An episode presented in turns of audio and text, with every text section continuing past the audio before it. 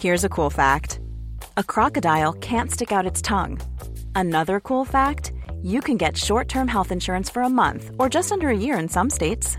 United Healthcare short term insurance plans are designed for people who are between jobs, coming off their parents' plan, or turning a side hustle into a full time gig. Underwritten by Golden Rule Insurance Company, they offer flexible, budget friendly coverage with access to a nationwide network of doctors and hospitals. Get more cool facts about United Healthcare short term plans at uh1.com. Hey Dave. Yeah, Randy. Since we founded Bombus, we've always said our socks, underwear, and t shirts are super soft. Any new ideas? Maybe sublimely soft. Or disgustingly cozy. Wait, what? I got it. Bombus. Absurdly comfortable essentials for yourself And for those facing homelessness. because one purchased equals one donated. Wow, did we just write an ad?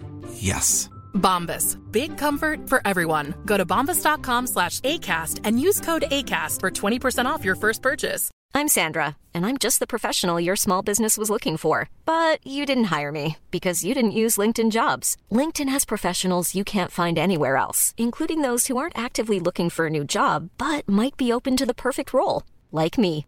In a given month, over 70% of LinkedIn users don't visit other leading job sites. So if you're not looking on LinkedIn, you'll miss out on great candidates like Sandra. Start hiring professionals like a professional. Post your free job on linkedin.com/people today. Så fysioterapeuten han hadde jo tatt helga, så han fant vi på en pub. Men jeg måtte ha hjelp, åkke som. Så den ryggen, den ble knekket på plass på bakrommet på puben. Bak scenen med Trond Harald Hansen. Velkommen til Bak scenen. Jeg heter Trond Harald Hansen, og i denne podkastserien får du bli med i kulissene på norsk showbiz-bransje når jeg snakker med kjente artister, skuespillere, programledere og produsenter. Og i dagens episode møter jeg Anitra Eriksen. Velkommen hit, Takk. Anitra Eriksen. Veldig hyggelig. Det tok to måneder før vi liksom klarte å få det, få det til. Ja, ja, Ja. sånn er det med influensa, vet du. Sånn er det. Ja. Ehm, Du har holdt på med teater ikke hele livet, men det er vel ikke langt unna heller? Nei da, jeg eh, har jo holdt på jeg, Egentlig så begynte jeg å studere psykologi. Men eh, så ble det Studentersamfunnets interne teater. Og så ble det teaterskolen. Så den psykologien, den forsvant. Ja, Mer teater enn det blei studier? Ja, det ble det absolutt, altså. Egentlig så ville jeg jo bli danser, da, når jeg var lita. Eh, og jeg dansa og dansa. Jeg dansa når jeg var lei meg, og jeg dansa når jeg var glad, og koreograferte og holdt på oppe i stua, da. Og mamma måtte sitte og applaudere og være publikum. Men så var det jo det, da, at uh, nærmeste danseskole var i Trondheim. Dit var det ni mil. En og en halv time med tog. Og det kom jo ikke på tale. Så da ble det ikke noe dans. Og så har jeg jo vokst opp med Men det var sikkert noe med det Altså, hadde et slags sånn uttrykksbehov, tror jeg. Og så vokste jeg jo opp med spel om Heila Golav på Stiklestad. Eh, fordi faren min var jo med i den nemnda og var med alle år helt ifra starten, mm. så vidt jeg vet. Så at jeg så jo Vokste jo opp med å se mye teater, men eh, jeg var jo Altså, jeg ble Jeg var ikke noe sjenert som barn. Da var jeg et helt sånn selvfølgelig barn. Så kunne reise seg opp uh, på skolen og si 'Hei, lærer, jeg har lært en veldig fin sang. Kan jeg synge den?' Det var sånn. Det kosta meg ingenting. Det syntes jeg var helt naturlig. Men så kommer uh, ungdomstida, da. Og da kom sjenansen. Å ja. Den kom etterpå? Den kom etterpå. Så da jeg kom i den alderen at eh, jeg kunne vært med i Leikaringen på Stiklestad, det falt meg ikke inn å tørre å spørre om engang. Så jeg solgte program, jeg. Søstera mi og jeg, vi solgte program og var fornøyd med det. Og så ville jeg gjerne gå på forsøksgym i Trondheim, for der var det teaterlinje. Men nei da, fikk ikke dra til Trondheim på hybel, nei. Så det ble vanlig gymnas, da, så da la jeg jo egentlig teaterdrømmen, eller ja, på hylla. Den ble bare borte.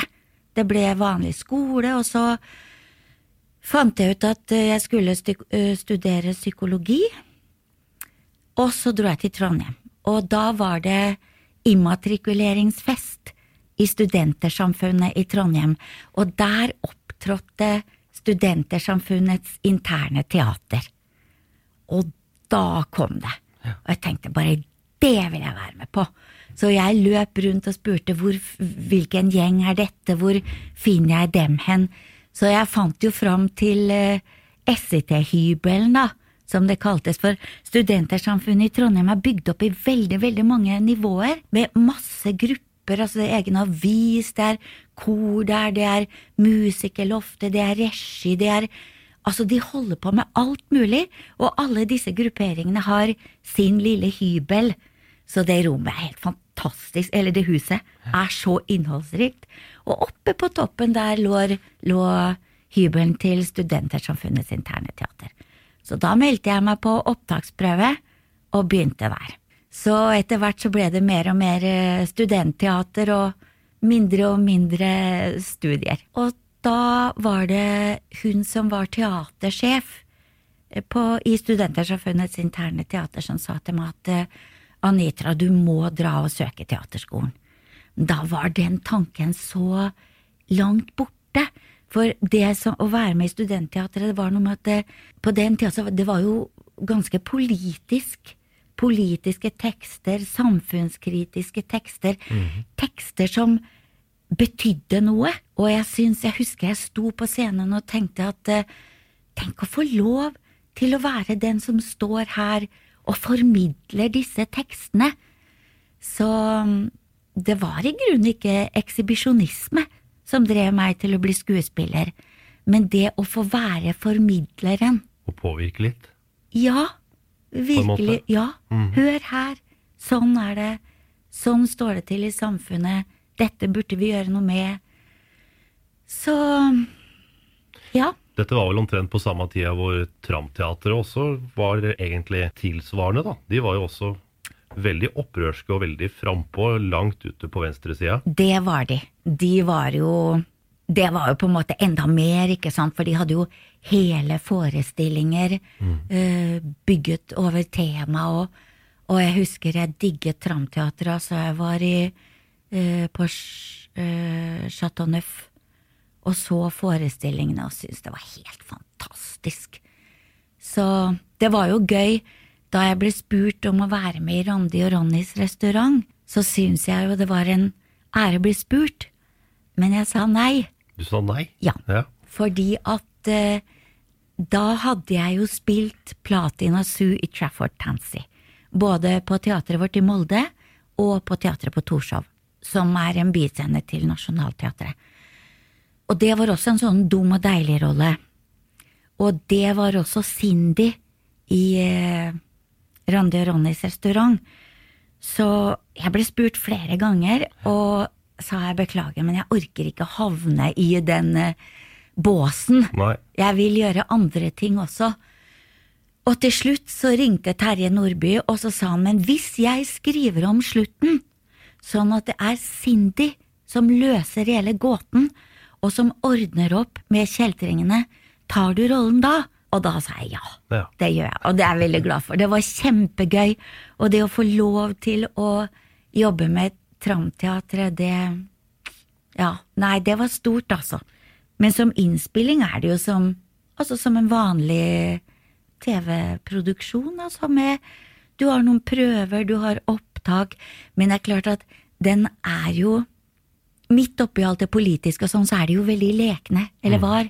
Veldig lekne. Veldig mye morsomt, mye innspill, veldig mange morsomme karakterer.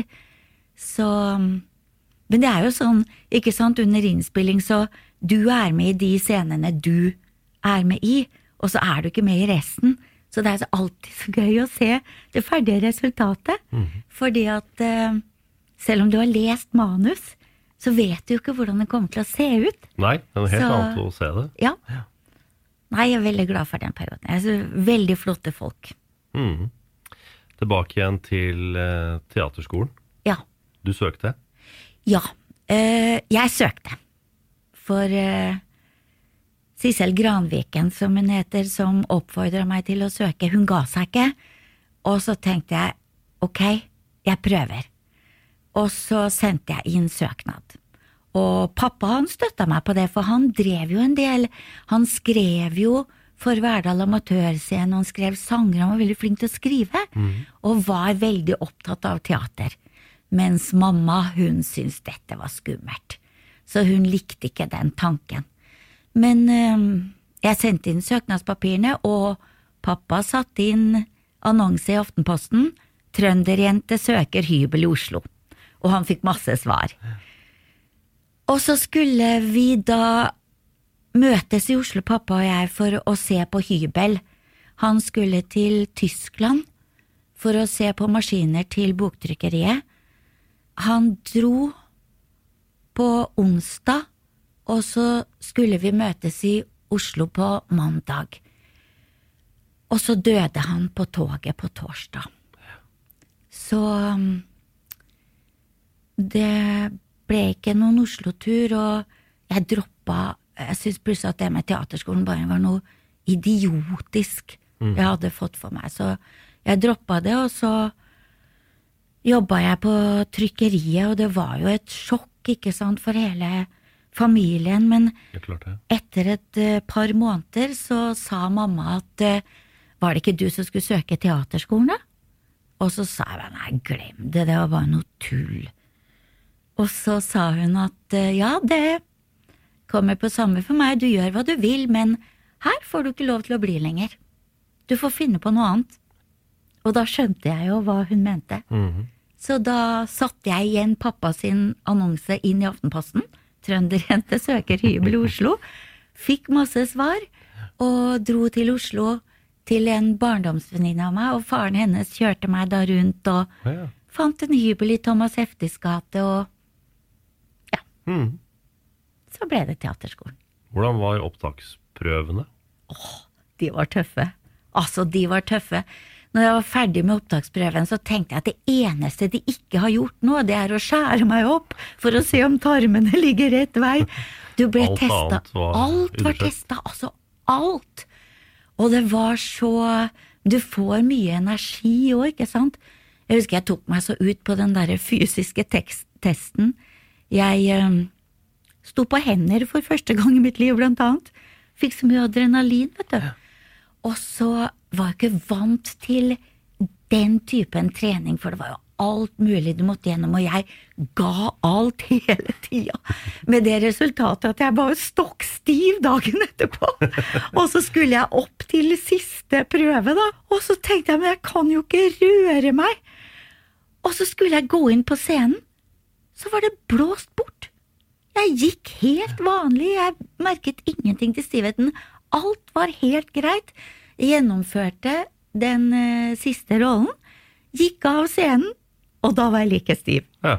Du går inn i en slags modus, da? Ja, det er et eller annet med altså, adrenalinet bare tar Overtar. tak, altså. Ja. Så det var eh, en fascinerende erfaring. Så det Og du kom inn. Jeg kom, inn, jeg kom ikke inn da første gangen, fordi da hadde jeg for kort tid etter at pappa døde, så at jeg rakk ikke å lære meg den siste rollen ordentlig, så jeg satt liksom bare på en stol og lira meg teksten. Jeg hadde ikke rukket å jobbe den inn.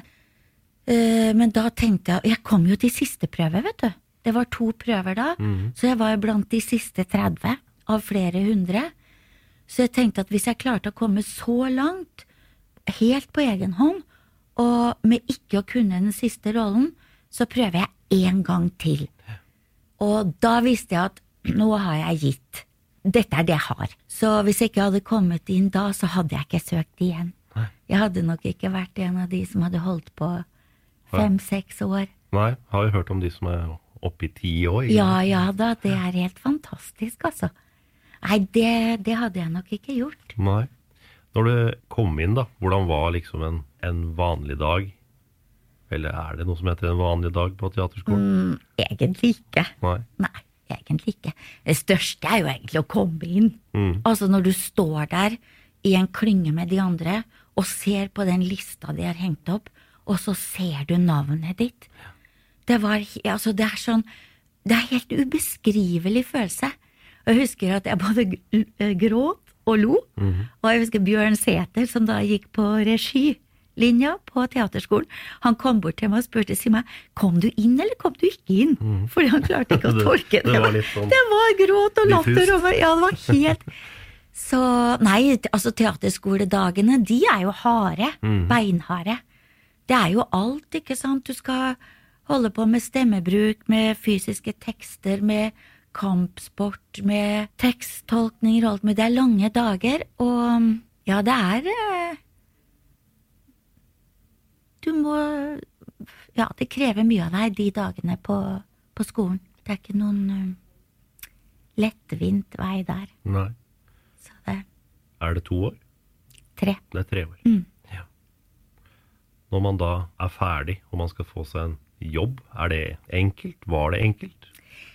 Eh, nei, enkelt eh, var det vel ikke, men det var jo ikke noe sånn eh, Jeg fikk høre at eh, Toralf Maurstad hadde snakka veldig pent om meg.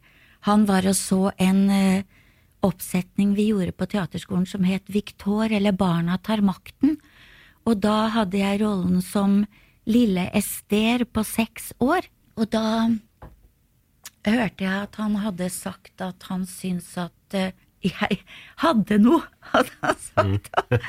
Så tenkte jeg at eh, ja, det betyr vel at jeg får gå og snakke med han, da. Og jeg var jo livredd, det var jo skummelt, ikke sant? Så, og det er jo en ting jeg aldri har hatt for vane, det er å gå på et teatersjefskontor og be om jobb. Nei. jeg klarer det ikke. Det er helt håpløst, Er det altså. vanskelig? Ja, det syns jeg. Nei, når det står teatersjef på døra, så får jeg nervesammenbrudd, så det Men jeg eh, kvinnet meg opp og tenkte at uh, siden han ga meg så godt skussmål, så kan jeg i hvert fall gå opp og snakke med han. Og jeg kom opp på kontoret hans, og han sa jeg har jobb til deg, men først etter jul, fordi jeg har ikke noe nå. Det vil si at det var et halvt år etter teaterskolen, hvor det ikke var noe. Men da fikk jeg eh, tilbud fra teatret vårt i Molde om å være med i Trafford Tansy. Så da ble debuten i Molde. Og det var jo en litt spesiell debut, da, for Trafford Tansy er jo et stykke med fribryting. Og den hadde jeg ikke sett komme. Nei, det vil jeg tro. Å, det var helt utrolig. Det var beinhardt, altså. Så, og jeg var jo livredd nesten hele tida, for du vet at du blir jo slengt etter hodet hodet og etter armene, og du lærer jo en teknikk på hvordan du skal ta imot, og hvordan du skal sparke fra, og ikke sant, hvordan du skal være med i kastet. Men du vet at hvis det går gærent, da, så merker du det jo.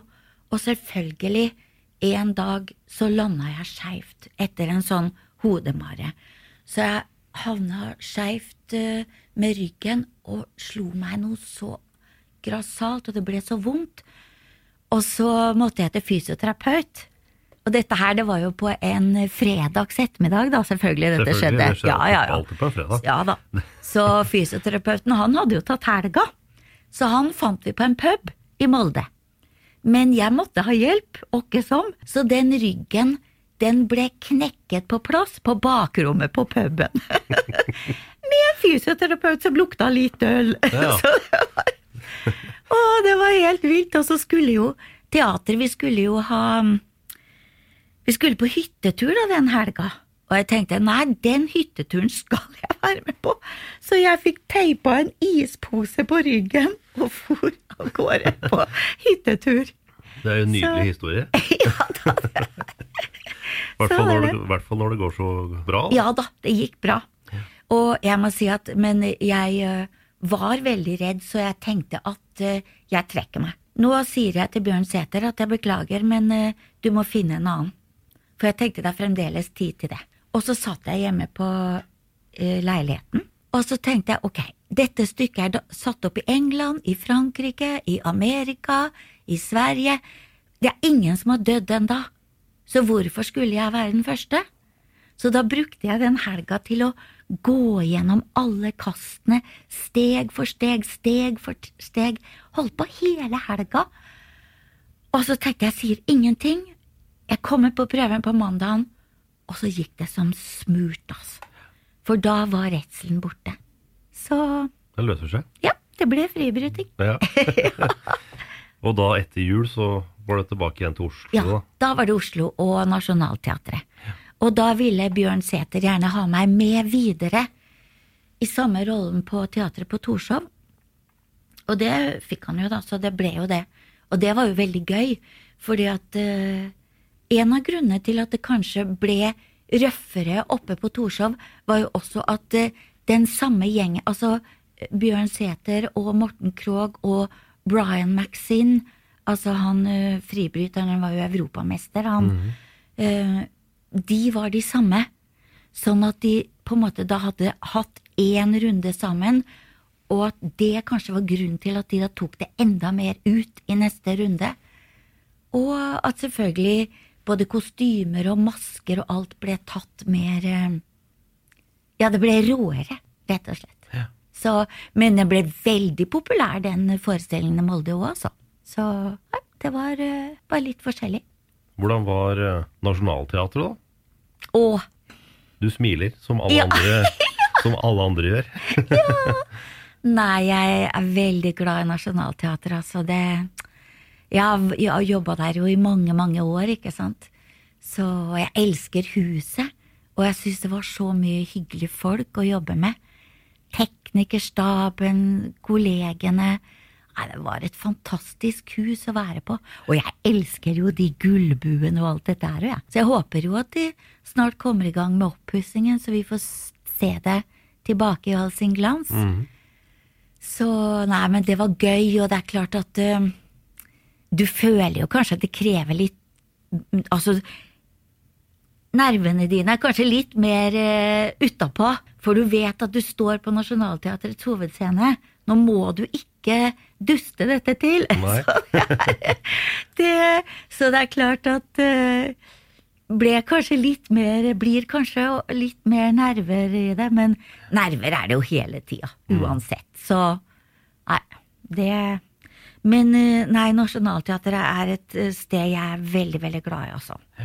Det er fremdeles mange jeg kjenner som jobber der, og det er veldig hyggelig hver gang jeg er der og se, treffer igjen folk.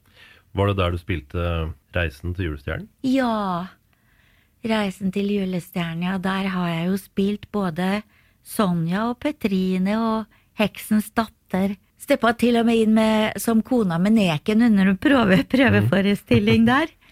Men eh, ja, så jeg var med i mange oppsetninger av eh, Julestjerna. Men Sonja var jo Det var selvfølgelig spesielt å spille Sonja. Det er alltid spesielt å på en måte være barnas helt. Det er noe med det, altså. Eh, og det var veldig gøy. Vi var en fin gjeng. Vi hadde det veldig morsomt. Og jeg husker jo den mm, Det jeg husker veldig godt, da, det er jo den siste forestillingen. Det året jeg spilte Sonja. Fordi før var det i hvert fall sånn at eh, skuespillerne og folk rundt ofte fant på noe tull på siste forestilling som man ikke visste om. Og jeg spilte jo Sonja, så det gikk jo utover meg, da. Jeg husker det starta med at eh, For det er jo stort orkester, ikke sant? Per Kristian Revold som orkesterleder. al- Altså filharmonimusikere i orkestergrava. Det var jo helt fantastisk. Det er jo så nydelig musikk skrevet til reisen til eh, julestjernen av Svendsen. Så orkesteret var helt fantastisk. Og så, eh, da i, midt i forestillingen da, så plutselig så begynner orkesteret å reise seg opp og sette seg ned, og reise seg opp og sette seg ned. Og jeg kjente bare at opps, nå må jeg bare holde meg, for jeg må ikke begynne å le. Det, det er det siste jeg må gjøre. Så jeg klarte liksom å holde meg gjennom det der, og de gjorde det som om dette gjør vi hver kveld. Og så gikk vi jo videre i forestillingen, og jeg var litt stolt av meg sjøl over at jeg hadde klart å holde meg alvorlig. Og så kommer du til det punktet hvor Sonja har fått tak i julestjernen, eh, og så så blir hun sliten på veien, og så skal hun legge seg ned for å hvile litt med julestjernen i fanget. Og jeg legger meg da helt ytterst på scenekanten med ansiktet mot publikum, ikke sant, og ryggen innover mot scenen. Og så skal heksen og heksens datter og greven komme og stjele julestjerna fra Sonja. Og mens jeg ligger der og hører at heksen, når de kommer inn, så hører jeg plutselig Ja, jeg er heksens datters forlovede. Så tenkte jeg, hva i alle dager? Det finnes ikke noen heksens datters forlovede i Reisen til julestjernen! Og så hører jeg at det er Anne Krigsvold, vet du. Nja, jeg skulle bare være med en tur, jeg, da. Og jeg tenkte bare, og Anne fortalte at hun så den skikkelsen som lå foran på scenekanten og begynte å riste, og jeg skjønte at nå må jeg bare ikke se opp, jeg må ikke åpne øynene, og det skulle jeg jo ikke heller, for jeg skulle jo sove, og prøve å holde meg. Og så ble jo de ferdige og snera og kom og stjal fra meg julestjerna og ferdig, og jeg hadde klart å holde meg såpass at jeg tror ikke publikum merka noen ting. Og så kommer vi helt på slutten av forestillinga. Og jeg var så letta, for jeg tenkte nå har jeg berga, nå kan de jo ikke finne på mer, for nå er jo forestillingen over. Nå skal jeg jo bare løfte julestjerna, og så skal julestjerna hun Den hang jo i en sånn tynn nylontråd, vet du, sånn at det så ut som det var stjerna som eh, reiste til himmels. Så gir jeg liksom fra meg stjerna, og den går oppover og oppover, og jeg står der med og så kommer den ned igjen. Og så kommer den ned, og så går den opp, og så kommer den opp og ned og opp og ned. Da knakk jeg. Da klarte jeg ikke mer. Da måtte jeg snu ryggen til publikum, vet du. Da lo jeg så tårene trilla, altså. Jeg klarte det ikke. Men da var det heldigvis bare igjen at jeg skulle opp på tronen og sette meg på prinsessestolen ved siden av Kai Remlov, da. Så var det slutt. Og så var det slutt. Heldigvis. Nei, vet du, det glemmer jeg ikke. Det var eh, Den forestillingen var litt av et spark, altså. Artig Men- tradisjon, da. Ja. Absolutt. Lage litt ekstra liv. Ja. Ja. det var det, men det Altså, hvis jeg hadde knukket eh, tidligere, så hadde det ikke vært så gøy, da, men det gikk jo bra. Så Nei, man har kreative folk i den bransjen her. Du har jo gjort eh, ikke bare scene, du, det er jo på en måte en scene det, men du har vært med på en del eh, radioteater. Ja, jeg har vært med på en del sånne krimserier og Anne pluss Jørgen er sant, husker jeg var med, og liksom Jokeren av Saabye Christensen. Jeg husker jo ikke så mange detaljer fra det, da, men det er Radioteater er morsomt, altså. Det er annerledes. Det er liksom en helt uh, annerledes uh, konsentrasjon, på en måte, fordi at uh, du, ikke, du må jo være i nærheten av mikrofonen hele tida, ikke sant? Du har jo ikke noen mikrofon på deg, så du må du må late som veldig mange ting. Ah, Ikke sant? Det kan hende noen står ved siden av deg og lager en lyd, eller du må lage en lyd. Hvis du skal være ute og gå, så må du ned i kjelleren og gå, og da er det vel en og en halv, to meter med grusgang, eller teppebelagt, eller tregulv. Det kommer an på hva slags eh, underlag det skal være. Så hvis du liksom er ute og går tur og snakker, da, så går du liksom bare og tråkker på stedet, og du plasker nedi en balje, og du holder på. Så det er, eh, det er ganske lekent, egentlig, for du, det er så mye sånne tullete ting som du må holde på med ved siden av, mens du må holde konsen på mikrofonen. Hvordan er en typisk arbeidsdag, da? Eller er det en, en hel arbeidsdag, eller stykker man det opp så man bare kommer inn og gjør lite grann før man skal videre på en annen jobb, eller ja, er det den? eh, radio, ja. Radioteatret, da kommer du tidlig om morgenen, og så øh, blir du jo innkalt til bare de scenene du er med i etter leseprøven. Så da jobber du et par timer, og så skal du kanskje videre på prøve på teatret etterpå. Og så skal du kanskje spille barneforestilling om kvelden, og så skal du kanskje spille voksenforestilling etterpå. Så jeg husker en periode på Nationaltheatret. Da spilte jeg barneforestilling Vi går til scenen, het den, på, for uh, barnehage. oh, ja. Barn på morgenen, og var veldig ordentlig produksjon, altså, med Frank Robert blant annet eh, som mester som tryllet nede på scenen, og da møtte vi barnehagebarna nede i foajeen, og vi var utkledd som Henrik og Pernille, eh, Holberg, de Holberg-karakterene, og så var vi opp eh, på teatret, og så viste vi dem gangen rundt eh, over ved teatret over der, så var vi inne i skuespillerfoajeen, nei, eh, publikumsfoajeen, med, å, den er så vakker, ikke sant, med lysekrone og malerier og nydelige møbler og alt dette her, og så kommer heksen, teaterheksen inn, som var Gøril Havrevoll. Og da så ble det sånn at vi skulle lure heksen, for hun skulle stoppe oss, for vi skulle, det het Vi går til scenen, ikke sant. Vi skulle ned på hovedscenen, det skulle være vårt mål. Og så skulle hun komme, så vi måtte få med oss barna. Legg dere ned, er helt stille, så merker hun ikke at vi er her.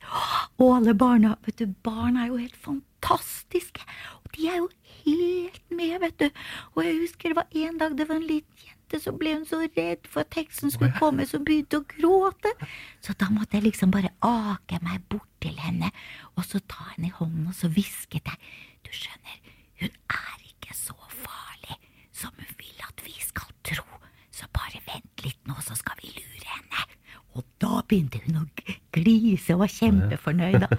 Og så kom vi ned da på hovedscenen, og der, der sto Frank Robert og viste en del sånne teatertriks, ikke sant, med teppe som kommer ned, og så tok de den svære lysekrona som henger midt i Nationaltheatret, og senket den ned, Oh, ja. tent så at barna fikk Og du vet, barna var jo helt over seg. Det var jo en magisk stund, altså. Klart det. Så det var kjempegøy. Og da var det rett fra den, og så var det opp på prøver på Fjernsynsteatret. eh, hvor vi holdt på med den uh, Vegelsinnede, med Minken Fossheim i hovedrollen. Eh, ja, det er trist med Minken. En fantastisk, nydelig menneske, altså. Veldig. Som dessverre døde Ja. så altfor tidlig. 2018. Så um, Ja, og etter uh, at jeg hadde vært i Fjernsynsteatret, så var det ned og spille Reisen til julestjernen. Og etter at jeg var ferdig med Reisen til julestjernen, så var det inn på hovedscenen igjen med eh, Når det ny vin blomstrer, med Wenche Foss. Så det var Da hadde jeg altså fire forskjellige roller hver dag. Da er jeg ganske sliten. Åssen går det? Nei, du vet, det går, det går. For det går i en periode, for du vet at det er en periode. Ja. Og jeg husker at når jeg kom hjem, jeg bodde på Holmlia, og når jeg kom hjem, så hadde jeg bare seks timer på meg til å sove og komme meg opp og av gårde igjen. Så når den perioden var over, liksom, når, eh, når det da bare ble tre ting på en dag, så da sov jeg.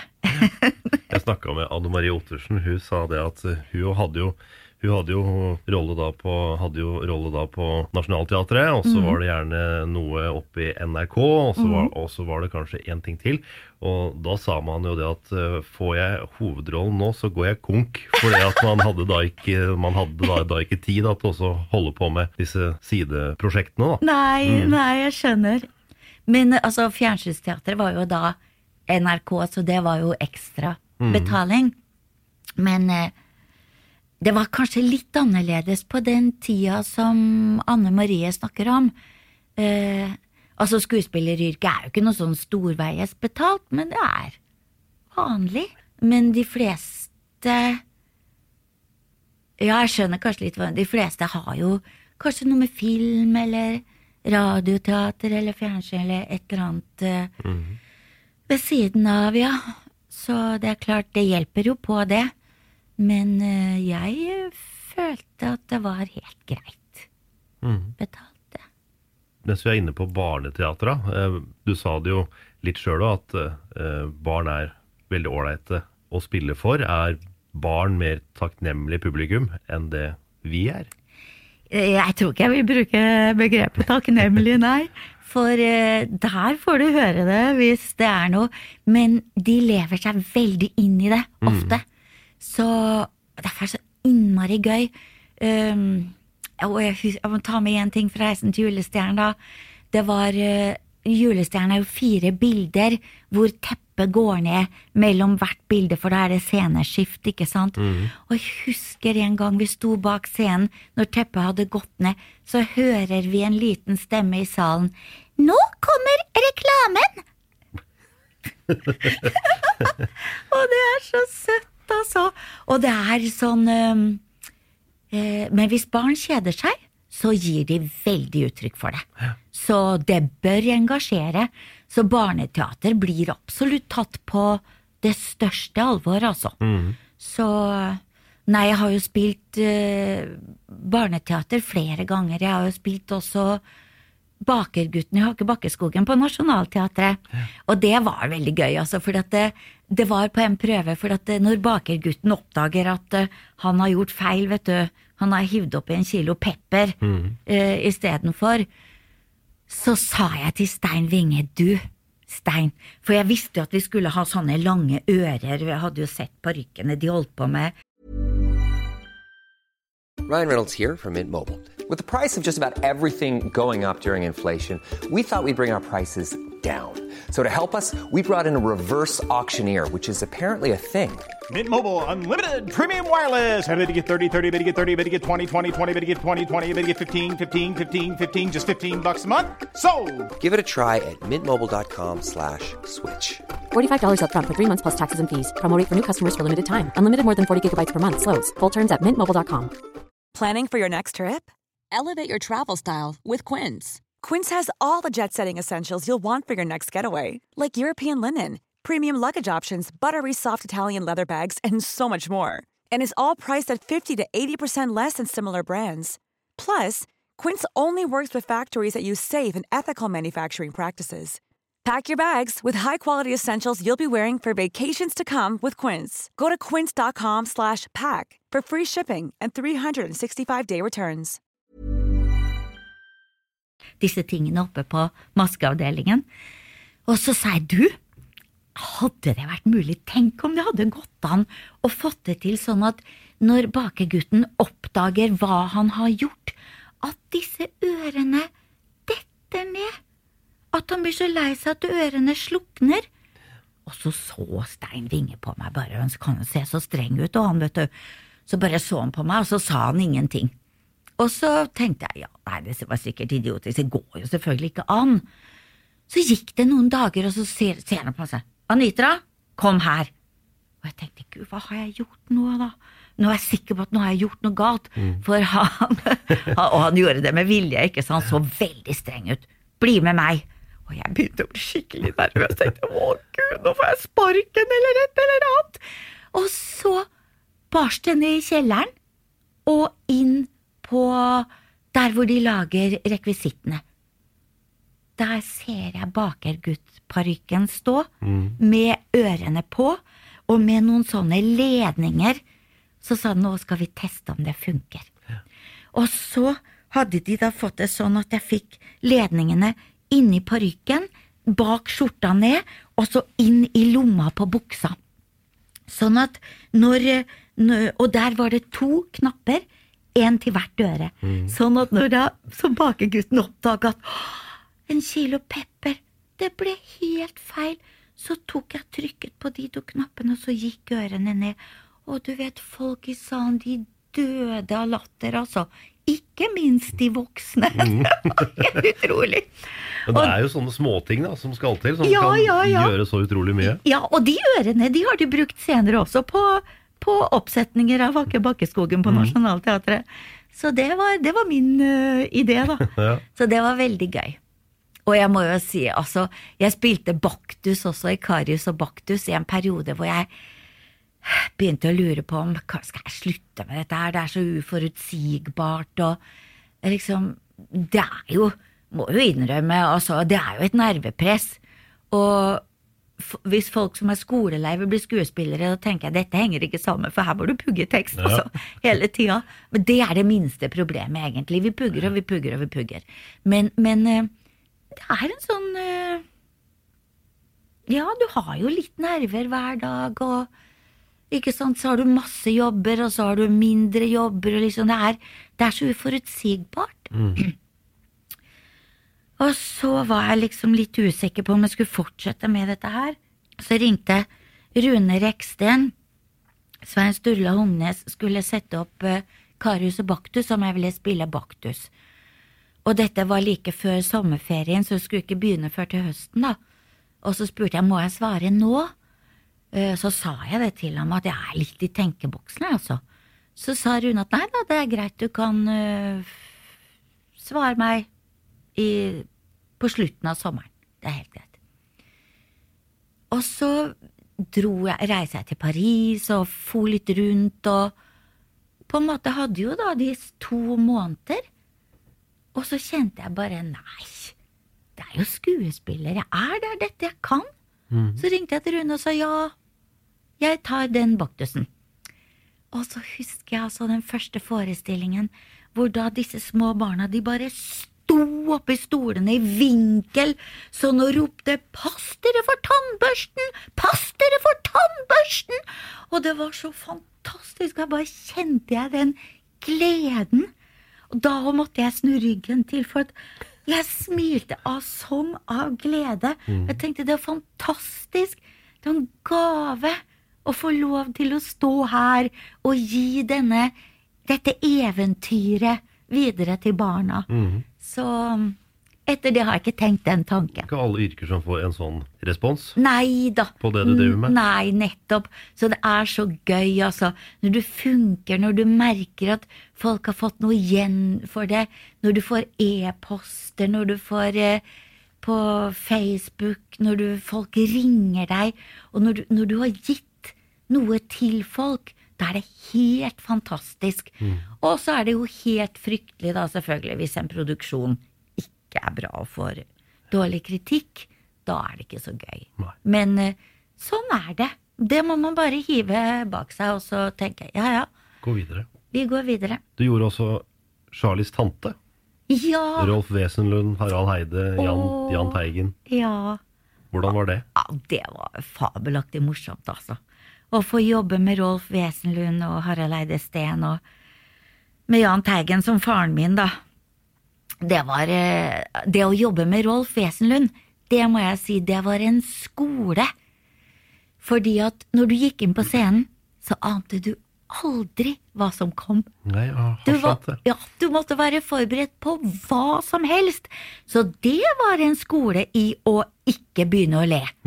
For eh, han fant på det mest utrolige.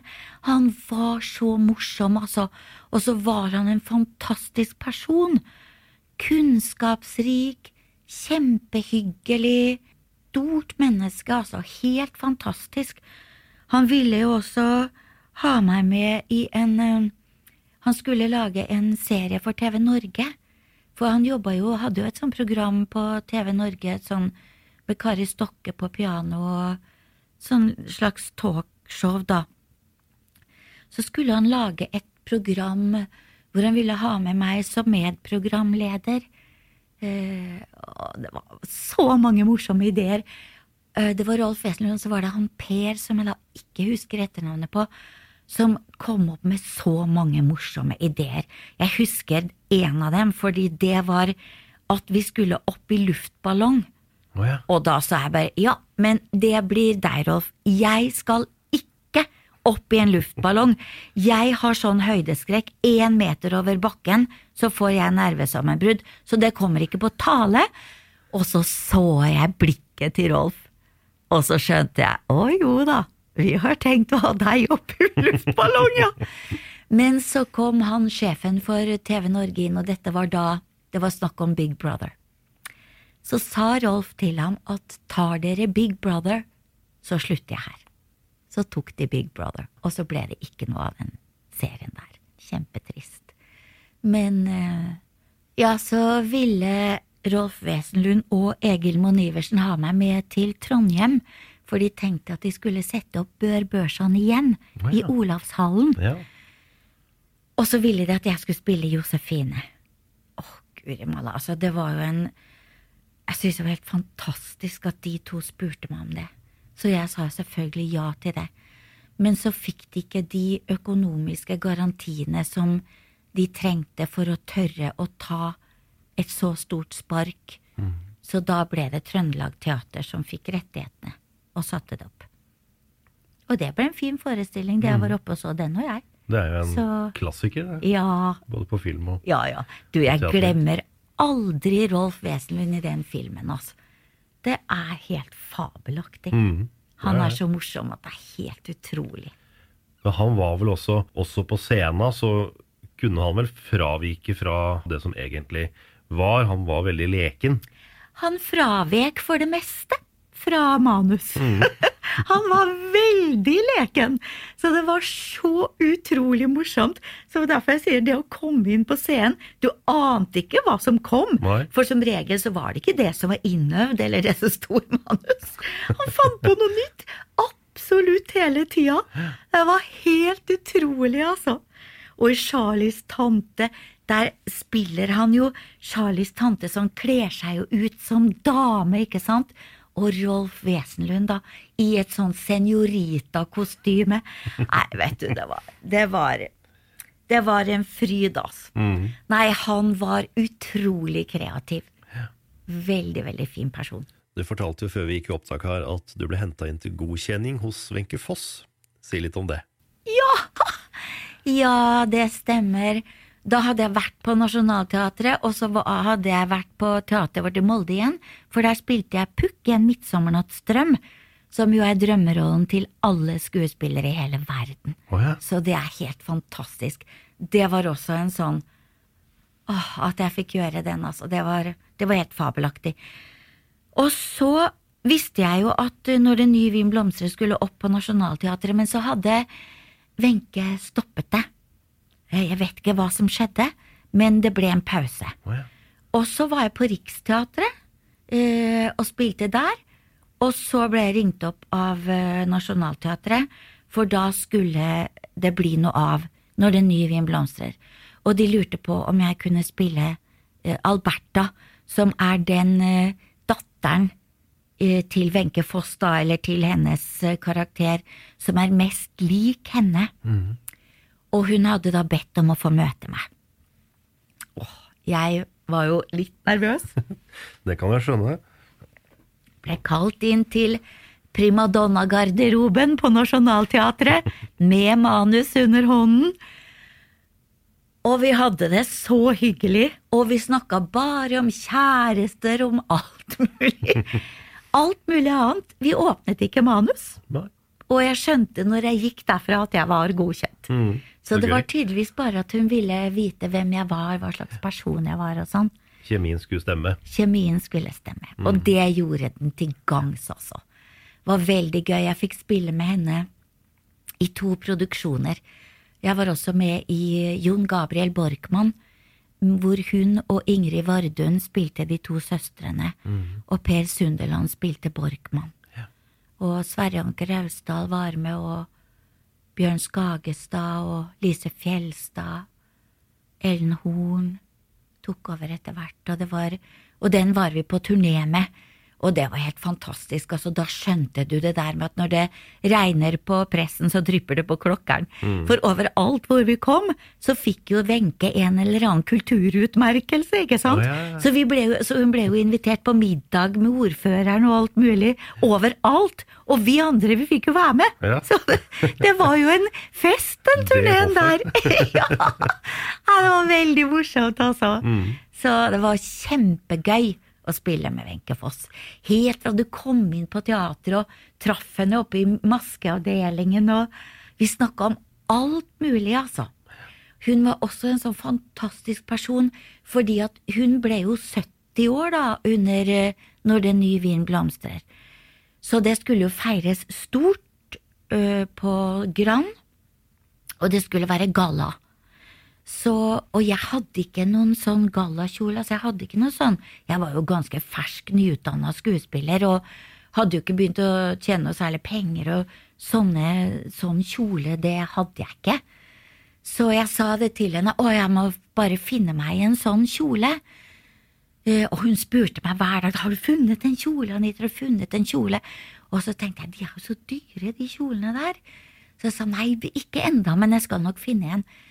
Eh, og så var jeg oppe på Sten og Strøm, og så fant jeg en som ikke var som dyr, og som var rålekker. Dette her var jo på 80-tallet, ikke sant? Eh, midt på 80-tallet. Nei, 87 kanskje, eller noe sånt. Og så eh, Så det var jo sånn med store puffermer, men det var nå sånn det skulle være, da. Og så kom jeg på teatret, og så kommer hun bort til meg og sa Anitra, hva med kjolen? Og så sa jeg jo, nå har jeg kjøpt en kjole. Veldig fin. På og Og så sier hun å, hvilken farge har den? Så sier jeg den er grønn. Å, jeg skal ta med noen øredobber som du kan få se på. Og vet du hva, dagen etter så kom hun, hun hadde med en hel pung med forskjellige øredobber, og så plukka jeg ut et par, og jeg har de enda, med sånne gullblader på og store grønne stener som så ut som de var laga til den kjolen. Så jeg gikk bort til henne på festen så sa jeg, se her, Wenche, så godt de passet. Og så sa hun å, de må du bare beholde. Så det var Så hyggelig. Så de har jeg veldig hyggelig. Og det morsomme var jo at hun eh, rekvisitøren vår, som kjente Wenche veld, veldig godt fra før av, hun fortalte at den dagen hadde Wenche kommet på teatret med fem kjoler som jeg skulle prøve. Oh, ja. Men når jeg fortalte at jeg hadde kjøpt en, så nevnte hun det ikke til meg. Så hun var også en sånn For en hjertevarm person, altså. Mm. Så raus. Nei, hun var en Hun var bare en glede å være i nærheten av. Og sånne er sjeldne. Ja. Jeg savner henne fremdeles. Jeg må si det. Jeg, for jeg savner stemmen hennes i samfunnsdebatten. For hun turte. Hun, Hun turte jo- å stå opp og si at nei, dette her går ikke, dere. Mm. Så Det er bra, det. At Ja. vi har ja, det er ofte i sånne stemmer. Ja, jeg tenker ofte det, altså, at å, jeg lurer på hva Wenche ville sagt nå. Dette hadde hun ikke likt. Det er sånn uh, Syns jeg hører henne. Mm. Så Dere spilte jo sammen i, i NRK sin Vestavind også. ja, det gjorde vi. Det var noen år seinere. Ja, det var noen år senere. Det var også veldig hyggelig, men da hadde vi jo ikke noen uh, scener sammen. For vi var jo i to forskjellige familier. Jeg spilte jo hun Unni som jobba på butikken hos Alsen. Uh, mens hun spilte jo da den eh, familien fra, vestkanten, nei, fra vest, eh, Vestlandet. Og bare den jobben hun gjorde da med å lære seg dialekten og sånn, Mm. hun var helt rå, altså. Hun jobba, ja. Hele tida. Hun lot aldri noe bare skure og gå. Tok alt på Altså, det var så bra. Og også veldig gøy å få være med i, i Vestavind, altså. Det, det er jeg glad for, altså. Fikk nettopp eh, kontakt med fotografen Arne Borsheim oh, ja. på Facebook.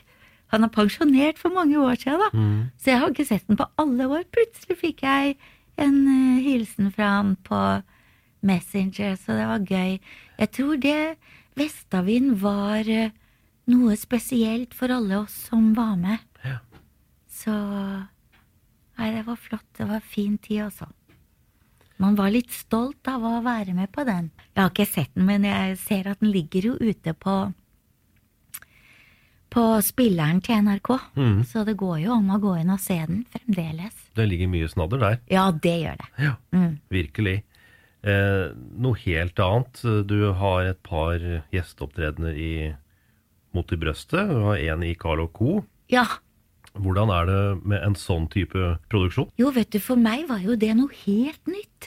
Det var veldig spennende, fordi at det, det er jo sitcom, og da har du både publikum i salen, og du har filmkamera. Og jeg var jo vant til at enten spille for publikum, eller spille i rommet nært hvor du har kamera. Og så er det plutselig en sånn balansegang hvor du har begge deler. Det var veldig morsomt, altså. Mm. Det var så annerledes, for jeg ble litt sånn usikker. Eh, snakker jeg høyt nok? Snakker jeg for høyt? Også fordi både publikum skulle høre deg, og det skulle fanges opp av mikrofonene, ikke sant? Men det var, det var morsomt, for jeg liker å spille for publikum, altså. Så jeg likte den eh, blandingen der, jeg. Så det var jo bare et par eh, opptredener, da, men Men det var veldig gøy. Jeg husker én gang. Eh, det var det Carl og Co, tro, jeg husker ikke. Altså, karakteren til Sven Nordin skulle i hvert fall skulle være på treningsstudio.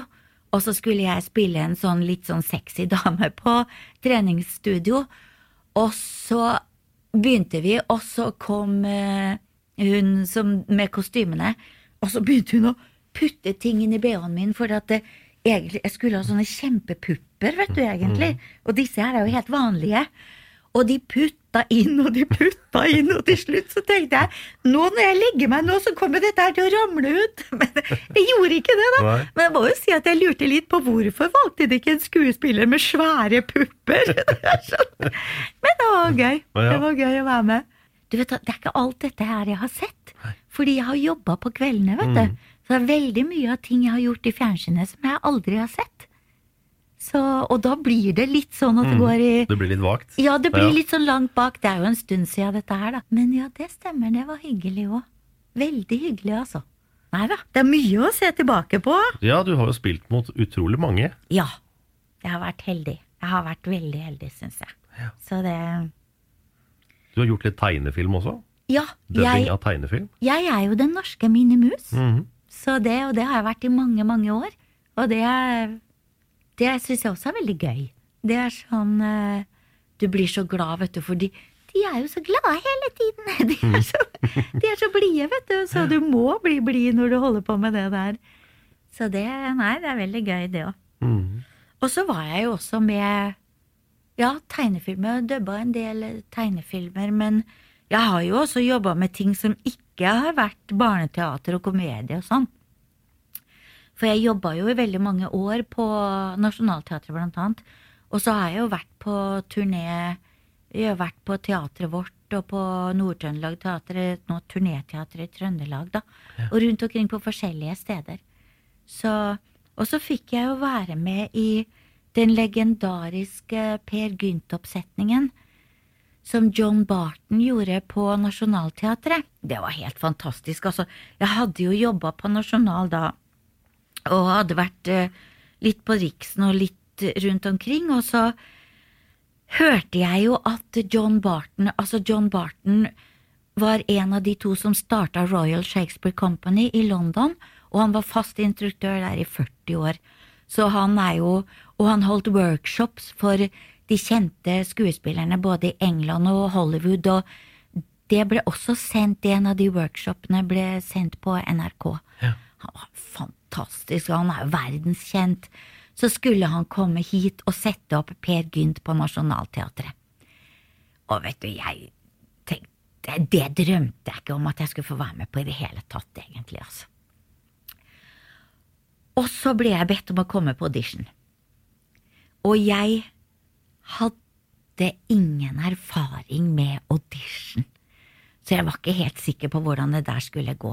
Så hørte jeg at eh, folk hadde fått en tekst da, som de skulle framføre. Ja. Så jeg tenkte at selv om jeg ikke har noe erfaring med dette her, så en tekst å forholde meg til, da har jeg jo noe, så det må da vel gå greit.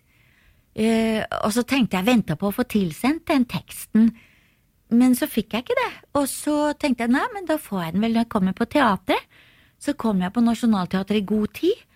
uh, fikk ikke noen tekst, og så spurte jeg inspisienten, du, den teksten som alle har fått, skal jeg ikke få den?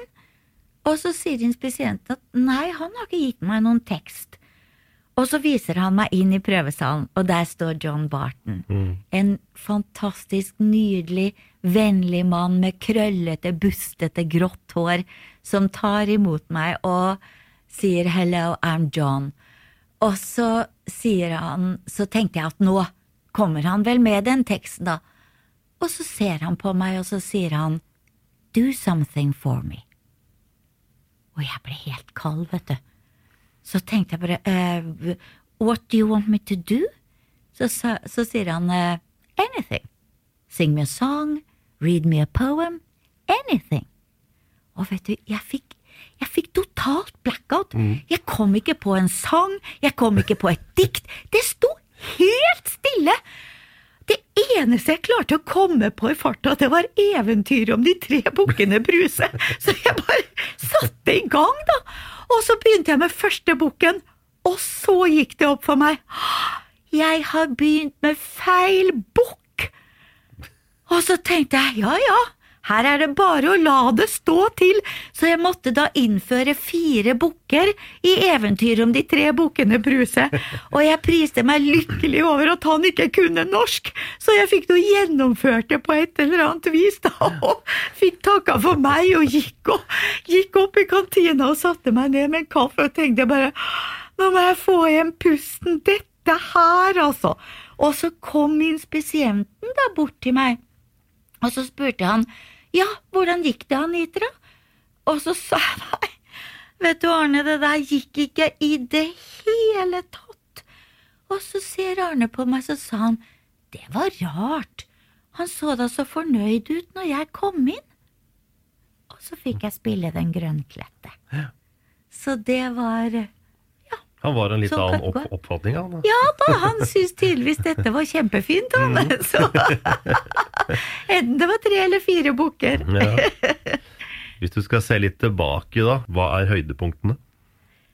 Åh, ja, jeg har jo nevnt Pukk, da. Det var jo ett.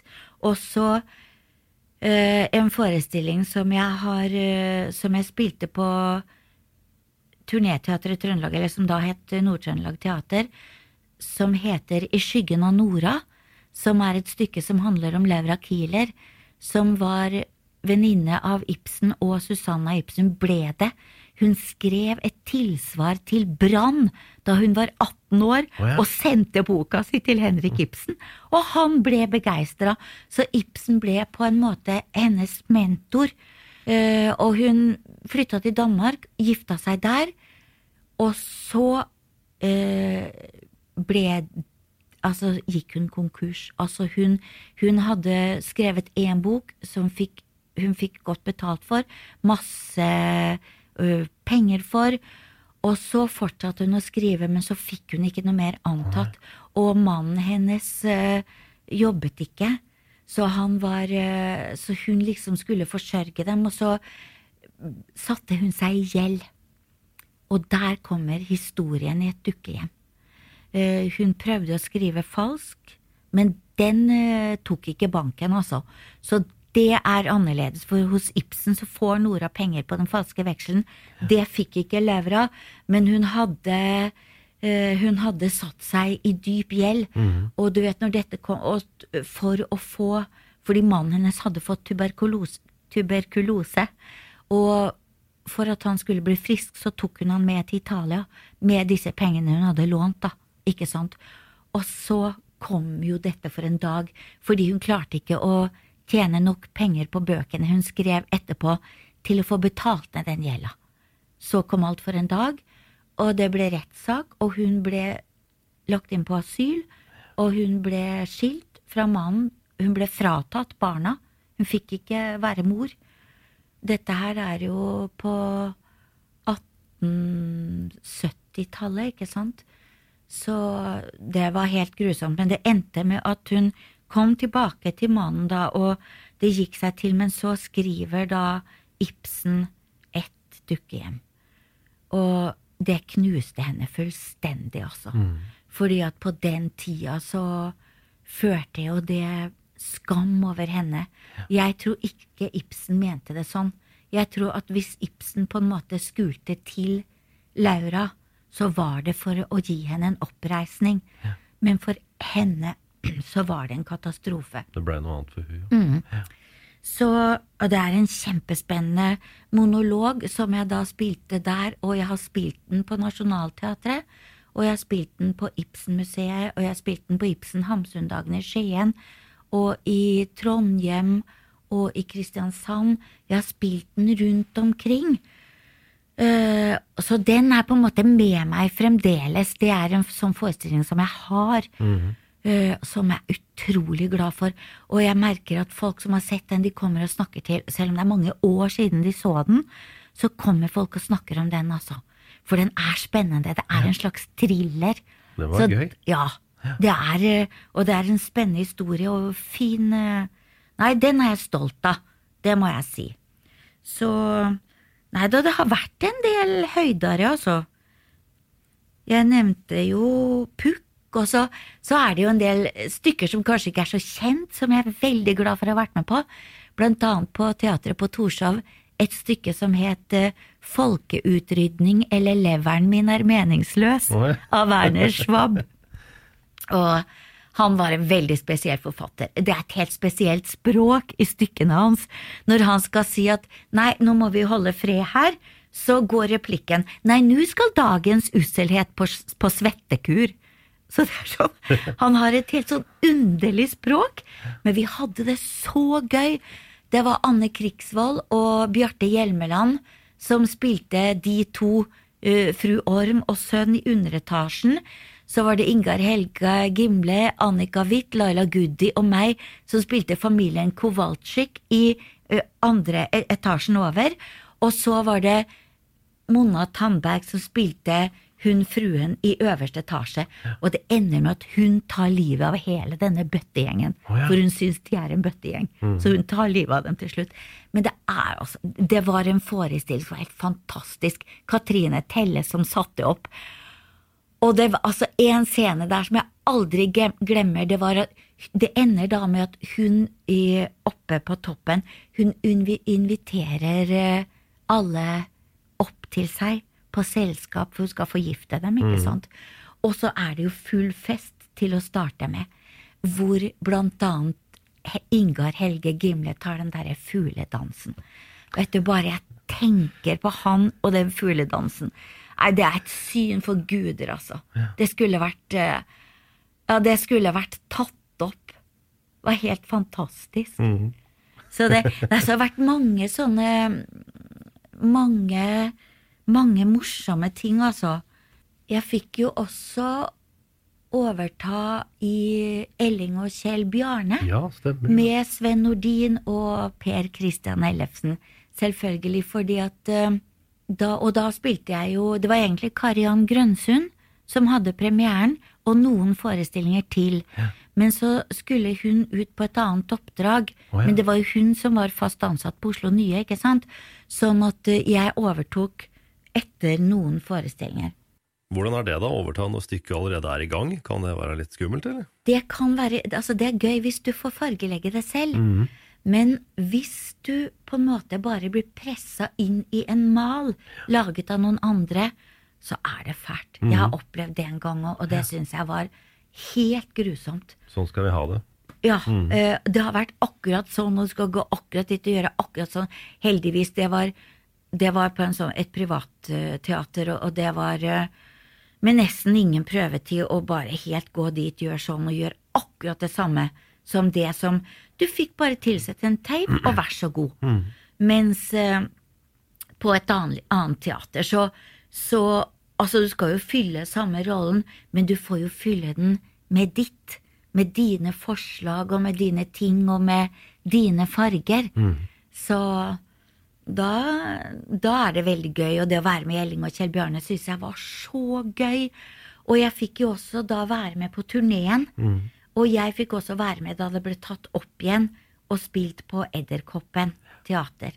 Så det ble en lang periode sammen med de gutta, og det var Yes, det var, det var morsomt, altså. Det blei jo en kjempesuksess, både på scene og på film. Ja. Mm. Og men Det er er fikk en veldig fin historie, da. Ja, det er kjempefin historie. Jeg elsker de bøkene, altså. Og, men da, da det skulle filmatiseres, da fikk vi beskjed om at uh, siden For egentlig så var det mange andre enn Per Christian og Sven som ble kalt inn til audition. Ja, jeg hørte det. Ja, for de ville ha noen andre, men så skjønte de til slutt. Altså, det er de som er, er. Elling og Kjell Bjarne. Mhm. Så det ble de to, og da fikk vi beskjed av Petter Næss om at dere andre som er med der, dere får ikke være med i filmen. Fordi produsenten har sagt at uh, han ville egentlig bare ha helt nytt cast, han, vet du, men da Mhm. ble det så Vi fikk ikke komme til prøvefilming heller. Så det var, ja da, men det gjør Sånn det. Det var Sånn veldig gøy å være med på de forestillingene. Ja. Så koste meg med det. Hvis du ikke hadde blitt skuespiller, hva slags vei hadde du valgt da, tror du? Danser fikk jeg jo ikke bli, da, fordi det var jo ikke noe i nærheten. Og så begynte jeg med at jeg kanskje, kanskje jeg skulle bli prest, eller Kanskje jeg skulle bli vaskekone, husker jeg jeg om. Eller tannlege. Men jeg begynte jo å studere psykologi, da. Så hadde jeg ikke hoppa av og begynt på teaterskolen, så hadde det vel kanskje blitt enten psykologi eller noe som er relatert til den jeg tenkte også kanskje eh, I hvert fall bruke den psykologien i, i noe videre. Men jeg aner ikke. Men vi kan ikke bare snakke om gamle dager, vi må også snakke om eh, 2020. Ja, Hva gjør du nå? Jo da, dette er et halvår som står i poesiens tegn. Så jeg holder på med litt ulike eh, oppdrag når det gjelder dikt og sette sammen diktprogram. Så jeg skal eh, ha et diktprogram nå i februar. Jeg skal ha ett i mars. Og så skal jeg ha 9. mai et eh, program om Olaf Bull og med hans dikt. Og det er jo egentlig en ganske krevende poet. Eh, Så jeg jobber nå på en måte med å gjøre tekstene hans nære, for det er utrolig vakre tekster, altså. Og jeg vokste jo opp med Olaf Bull. Jeg hadde en mor som leste dikt til meg fra jeg var en fra jeg var ei lita jente. Altså, hun begynte å lese Olaf Bull til meg når jeg satt, var i seksårsalderen. Oh, ja. Og jeg husker jeg satt på kjøkkenet, og jeg var så lita at beina ikke nådde ned til gulvet engang. Og satt og dingla på kjøkkenkrakken mens hun leste På kirkegården oh, ja. av Olaf Bull. Og jeg skjønte jo ikke alt, ikke sant, for det det er et ganske arkaisk språk. Ja. Men jeg har funnet ut at det går an å formidle den. Mm. Absolutt. Og det er så vakkert. Så nå endelig, så nå er det jo synd at mamma er borte. For nå 9. mai skal jeg endelig gjøre det som jeg har hatt lyst til å gjøre helt siden jeg ble skuespiller, Mm. og lage et program om Olaf Bull med hans dikt. Så det gleder jeg meg veldig til. Får vi en liten smakebit? Av På kirkegården. Ja. Jeg stanser og gjetter, mens aftenskjæret senker forgjengelsens gull overalt. Blek har hun været, og blond har hun været, og lillen har hun til visse vært kalt.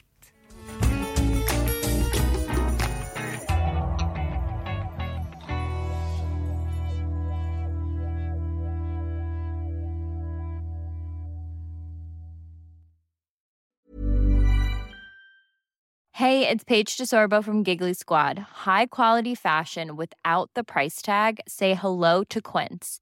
I'm snagging high-end essentials like cozy cashmere sweaters, sleek leather jackets, fine jewelry, and so much more. With Quince being 50 to 80% less than similar brands.